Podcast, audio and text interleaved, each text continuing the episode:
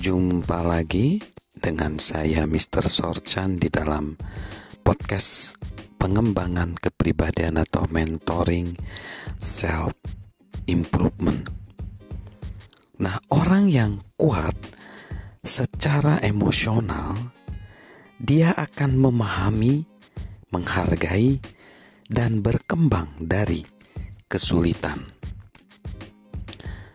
Banyak orang menolak perubahan, menginginkan hasil instan, dan mengharapkan hidup tanpa masalah. Namun, keinginan ini membuat mereka justru lemah secara emosional. Mengapa? Karena hidup itu berisi kesulitan. Orang yang kuat secara emosional mengantisipasi kesulitan dan belajar untuk menghargai perkembangan dari kesulitan itu. Orang yang kuat secara emosional tidak mengharapkan hasil instan. Mereka menghadapi hidup dengan mengetahui bahwa perjalanannya jauh dan berat.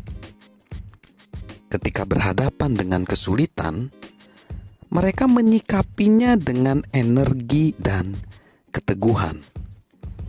Mereka paham bahwa kesuksesan sejati akan membutuhkan waktu. Mereka mencoba hal-hal baru dan mungkin gagal. Mereka menghadapi hambatan tetapi bertahan. Mereka terus maju, terus bekerja mereka fokus pada keputusan tepat yang harus mereka ambil dan mengambil keputusan dengan cepat.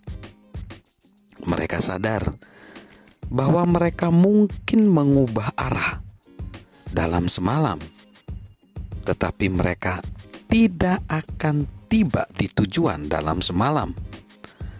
Mereka tetap berfokus pada gambaran besar dan tidak menyerah. Kita tidak bisa berpegang pada beban emosional masa lalu bila ingin menjadi tangguh secara emosional. Menjadi orang yang kuat secara emosional dengan kapasitas emosional yang tinggi menuntut kita memulai upaya baru setiap hari dan menjalani hidup dengan kondisi emosional yang bersih. Salam memiliki kapasitas emosi yang kuat. Salam sukses dari saya, Mr. Sorjan.